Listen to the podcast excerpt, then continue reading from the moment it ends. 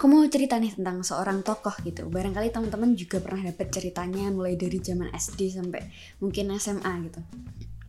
Tokoh ini populer dengan nama Ken Angrok atau barangkali di buku sejarah sering disebut Ken Arok. Nah, kata guru sejarah sama buku teks pelajaran nih, zaman sekolah dulu, Ken Arok ini nih orang biasa, ya kayak pemuda desa pada umumnya gitu, barangkali juga ikutan ronda, karang taruna gitu-gitu. Tapi karena lagi dia tuh beruntung gitu. Bahkan kata beberapa buku teks itu dia berjuang uh, melampaui kastanya. Gak main-main, dia bisa jadi raja. Nah, tapi nih kalau cerita soal Ken Angrok mirip buku sejarah, kan teman-teman yang ngabuburit nih bakal mungkin ya ketiduran sampai maghrib lewat gitu ya. Kali ini aku mau nyeritain soal sebuah teori bahwa ternyata ini Ken Angrok nggak mulai dari nol gitu, alias dia punya privilege tersendiri. Tapi kita mulai dulu dari flashback siapa Ken Angrok versi para raton yang fenomenal itu. Aku ambil uh, cerita ini nih dari para raton versi salah satu buku yang ditulis sama Dr. Andes R. Pitono Harjo Wardoyo tahun 1965. Kenarok sendiri ini kita bisa kenal karena dia raja pertamanya Singasari kan ya. Nah katanya yang ngarang para raton ya anonim gitu soalnya emang gak tercantum di naskahnya siapa yang ngarang. Nah diceritakan bahwa Dewa Brahma salah satu tokoh Dewa Brahma ini mencari teman perempuan untuk dan dapat dong ya kan dewa Nah, nama perempuannya itu Ken Endok. Tapi Ken Endok ini nih udah punya suami ternyata, namanya Gajah Para. Pas lagi mau ngirim makan ke Gajah Para, ceritanya Gajah Para ini lagi di sawah gitu. Ken Endok ini nih di di Anu gitu sama Dewa Brahma. Tempat wik-wiknya ini nih bernama Tegalalatang aja gitu. Kayak nggak di mana, nggak di ini gitu. Ini kayak puasa-puasa ngobrolin ginian. Oke lanjut nih. Abis week-week gitu ya, Dewa Brahma ini bilang gini. Janganlah engkau bersetubuh dengan suamimu lagi. Jika engkau bersetubuh dengan suamimu, maka suamimu akan meninggal karena tercampur dengan anakku. Namanya Ken Angrok. Dialah yang kelak membawa perubahan besar di Pulau Jawa. Abis tuh Ken Endok nih bilang ke suaminya si Gajah Para kalau dia itu abis dianu sama dewa yang gak kelihatan. Dan setelah uh, si Ken Endok ini menceritakan kepada Gajah Para, mereka pun cerai gitu dan apesnya gitu, sialnya gitu si Gajah Para ini meninggal setelah cerai. Nah setelah tiba waktunya Ken Endok ini kemudian melahirkan si anak dewa Brahma tadi ya.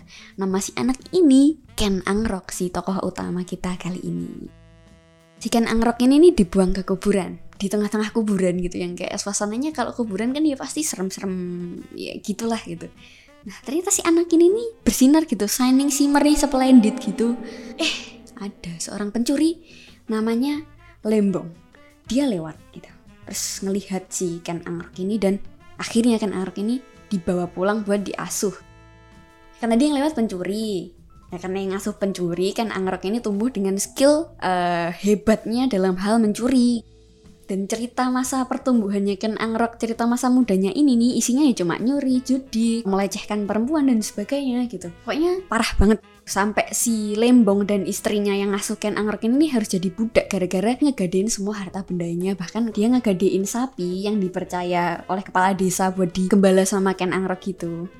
Terus Ken Angrok ini pokoknya pergi dari rumah mengembara dalam kegelapan. Cie. Dia ikut ini, ikut itu sampai ikut juga sama pendeta, terus diasuh juga sama uh, penjudi dan sebagainya.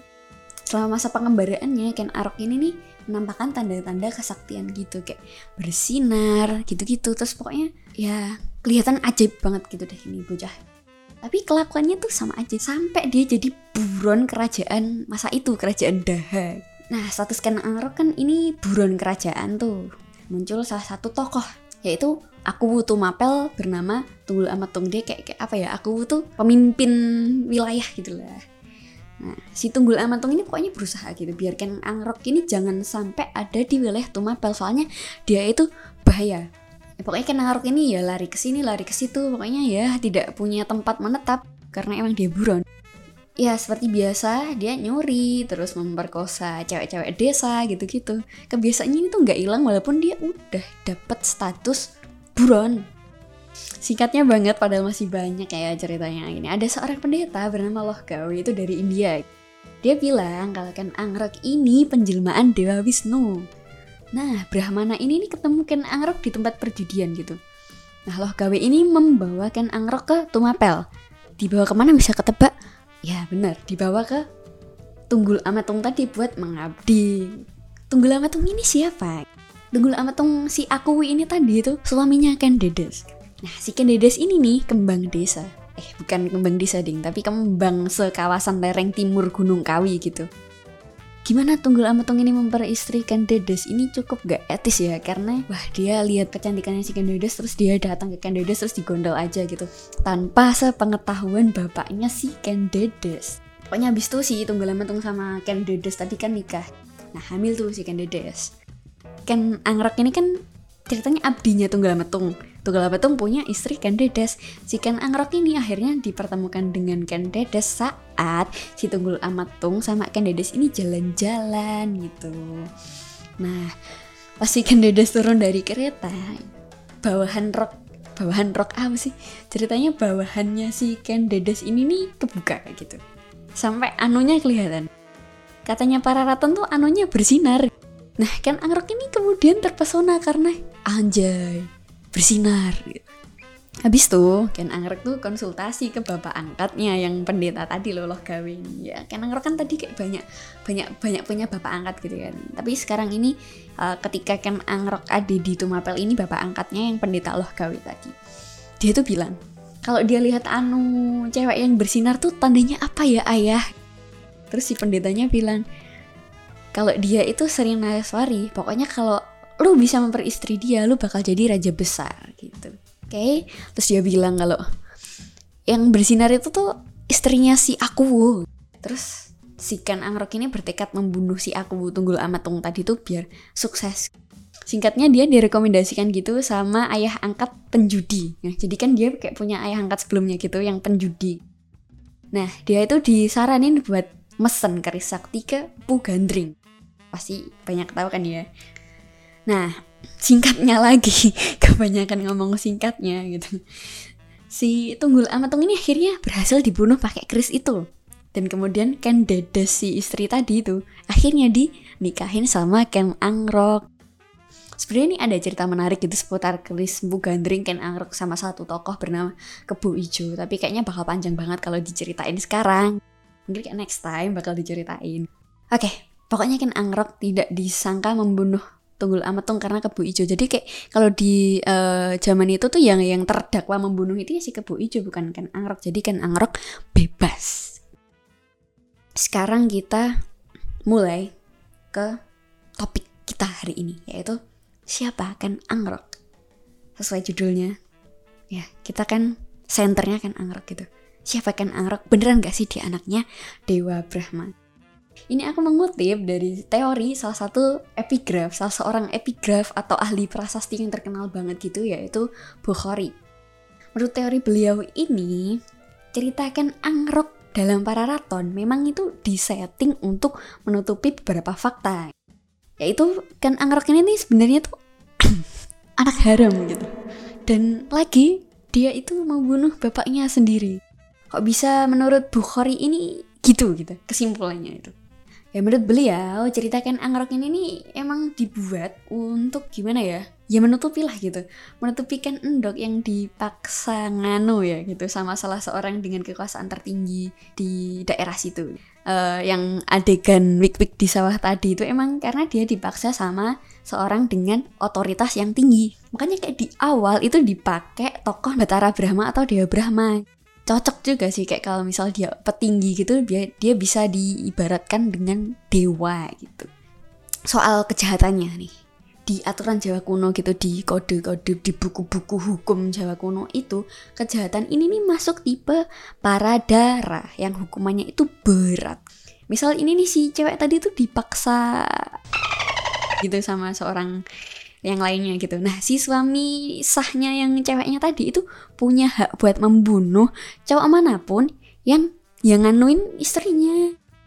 Kan tadi ada cerita nih, kalau Gajah Para si suaminya kan endok ini nih ceritanya ya meninggal secara gaib gitu kan ya gitu. Mungkinkah sebenarnya dia dibunuh Kang Bakso utusan si pihak dengan otoritas tinggi tadi? Siapa yang tahu? Perlu diingat lagi juga guys. Kalau misalnya kan tadi ada kode-kode hukum gitu kan ya gitu. Tapi itu bagi penguasa itu tuh mereka nggak selalu mempan dengan aturan-aturan itu. Uh, bisa jadi kayak ini nih suatu kesimpulan kalau si yang uh, penguasa tadi ini punya royal blood gitu ya kayak darah-darah biru gitu karena ya di, di ceritanya itu bener-bener sebejat apa pun kejahatannya si si si si si, yang diibaratkan dengan dewa Brahma tadi itu tuh nggak kena hukum. Kalau dari Ken Angratnya sendiri apakah dia keturunan uh, darah biru atau royal blood ini kayaknya iya soalnya sepanjang cerita dia ini menampakkan model-model kesaktian atau kayak apa ya dia ini bukan anak biasa gitu kayak yang bersinar-sinar terus punya uh, ini itu terus pokoknya dia itu walaupun gimana ya misal kayak waktu di jadi buron gitu dia tetap aja selamat. Kalau di kitab-kitab Jawa itu emang model-modelan ketika tokoh bersinar gitu-gitu tuh emang dia keturunan kerajaan gitu. Makanya di awal banget aku sempet singgung kalau kan Angrik ini sebenarnya tidak mulai dari nol. Artinya dia emang punya privilege dari bapaknya yang emang ada darah kerajaan gitu. Nah ditambah ini ini ini, ini harus dicat banget ini. Ditambah pas dia menghadap tunggul amat tuh. Si tunggul ini ya iya iya aja gitu. Padahal udah tahu kan dulu itu dia itu kayak jangan sampai ini tuh mampel kemasukan orang yang namanya Ken Angrok tapi ketika Ken Angrok ini menghadap dia buat jadi abdinya eh dia ngiyain. Ditambah lagi dengan segala kejahatan yang kalau dikonversi ke pidana masa kini bakal dipenjara seumur hidup barangkali kayak hukuman mati gitu ya. Eh dia masih bisa jadi raja loh. Wow. Punya relasi dengan brahmana atau pendeta lagi gitu. Dan memperistrikan Dedes yang suaminya tadi dibunuh gitu loh. Si gimana ya?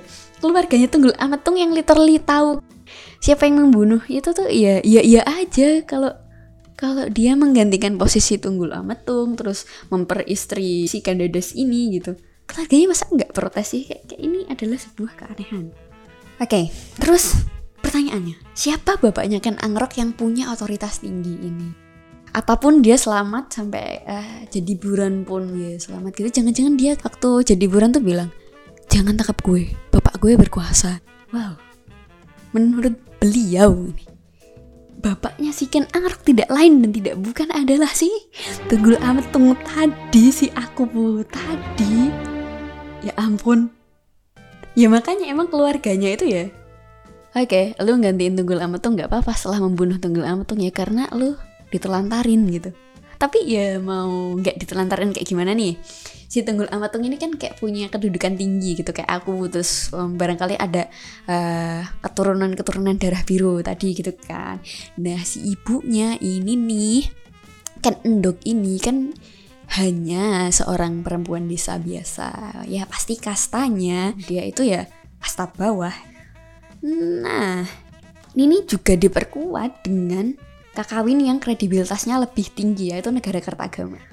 Yang emang isinya si kakawin ini tuh emang memuji kejayaannya Majapahit, uh, Hayam Muruk dan apa namanya leluhur-leluhurnya gitu kan.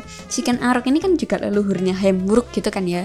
Nah kakawin ini tuh bilang Sri Rajasa Sri Rajasa ini nih putra dari Sri Girindra yang gak punya ibu gitu. Sri Rajasa ini nih kan Arok ya guys Nah ini nih memperkuat kalau sebenarnya ibunya Sri Rajasa ini nih emang sengaja dihapus dari sejarah biar nggak ketahuan kalau ibunya ini kastanya rendah. Ya masa kitab yang memuji Majapahit harus bilang ibu leluhurnya ini nih kasta bawah gitu. Lalu sampai pada pertanyaan, kenapa Ken Angrok abis membunuh bapaknya sendiri itu harus banget memperistrikan Dedes? Kalau dihitung-hitung kan ya, misal nih si Ken Angrok misal bener gitu karena ini teori ya. Uh, anaknya tunggul amat tung gitu kan berarti kan Dedes ini ceritanya emaknya gitu kan ya. Kenapa habis ngebunuh bapaknya dia akhirnya memperistri emaknya? Fix fix ini si sinetron Indosiar kalah sih. Oke okay. jawabannya nggak lain dan nggak bukan hak waris. Kan kan angrok ini anak nggak sah gitu kan karena dia anak gak sah itu dia itu nggak punya apa ya kekuatan untuk mengklaim harta-harta dan kekuasaannya Tunggul Amat Tung biar dia dapet harta dan kedudukan ini gitu Ken Angrok ya harus menikahkan Dedes karena Ken Dedes ini kan posisinya lagi hamil gitu kan ya. Kalau misal Ken Dedes ini melahirkan duluan dan anaknya ini tahu kalau dia anaknya tunggul amatung gitu kan dia bakal menuntut karena si anak yang lahir ini tadi itu anak sah. Nah akhirnya kayak sebelum dia lahir dia dinikahin dulu biar anaknya ini adalah anak Ken Angrok. Fix pinter banget ini orang. Oke, okay. nah udah panjang banget. Aku lelah Yaudah kita simpulin aja kali ya. Simpulannya nih, si penulis Katuturani Raken Angrok yang anonim ini berusaha nutupin kalau emang si Ken Angrok itu anak yang lahir di luar pernikahan sah gitu dan dia ini membunuh ayahnya sendiri. Nah, kayaknya segitu aja obrolan kita kali ini. Semoga obrolan hari ini bisa nambah insight nambah-nambah bahan overthink juga ntar malam kayak bener gak sih kan anggrok tuh anak haram? Oke tapi semoga aja uh, cerita hari ini tuh bisa dipetik hikmahnya. Sampai jumpa di obrolan selanjutnya di jam kosong selanjutnya gitu. Bye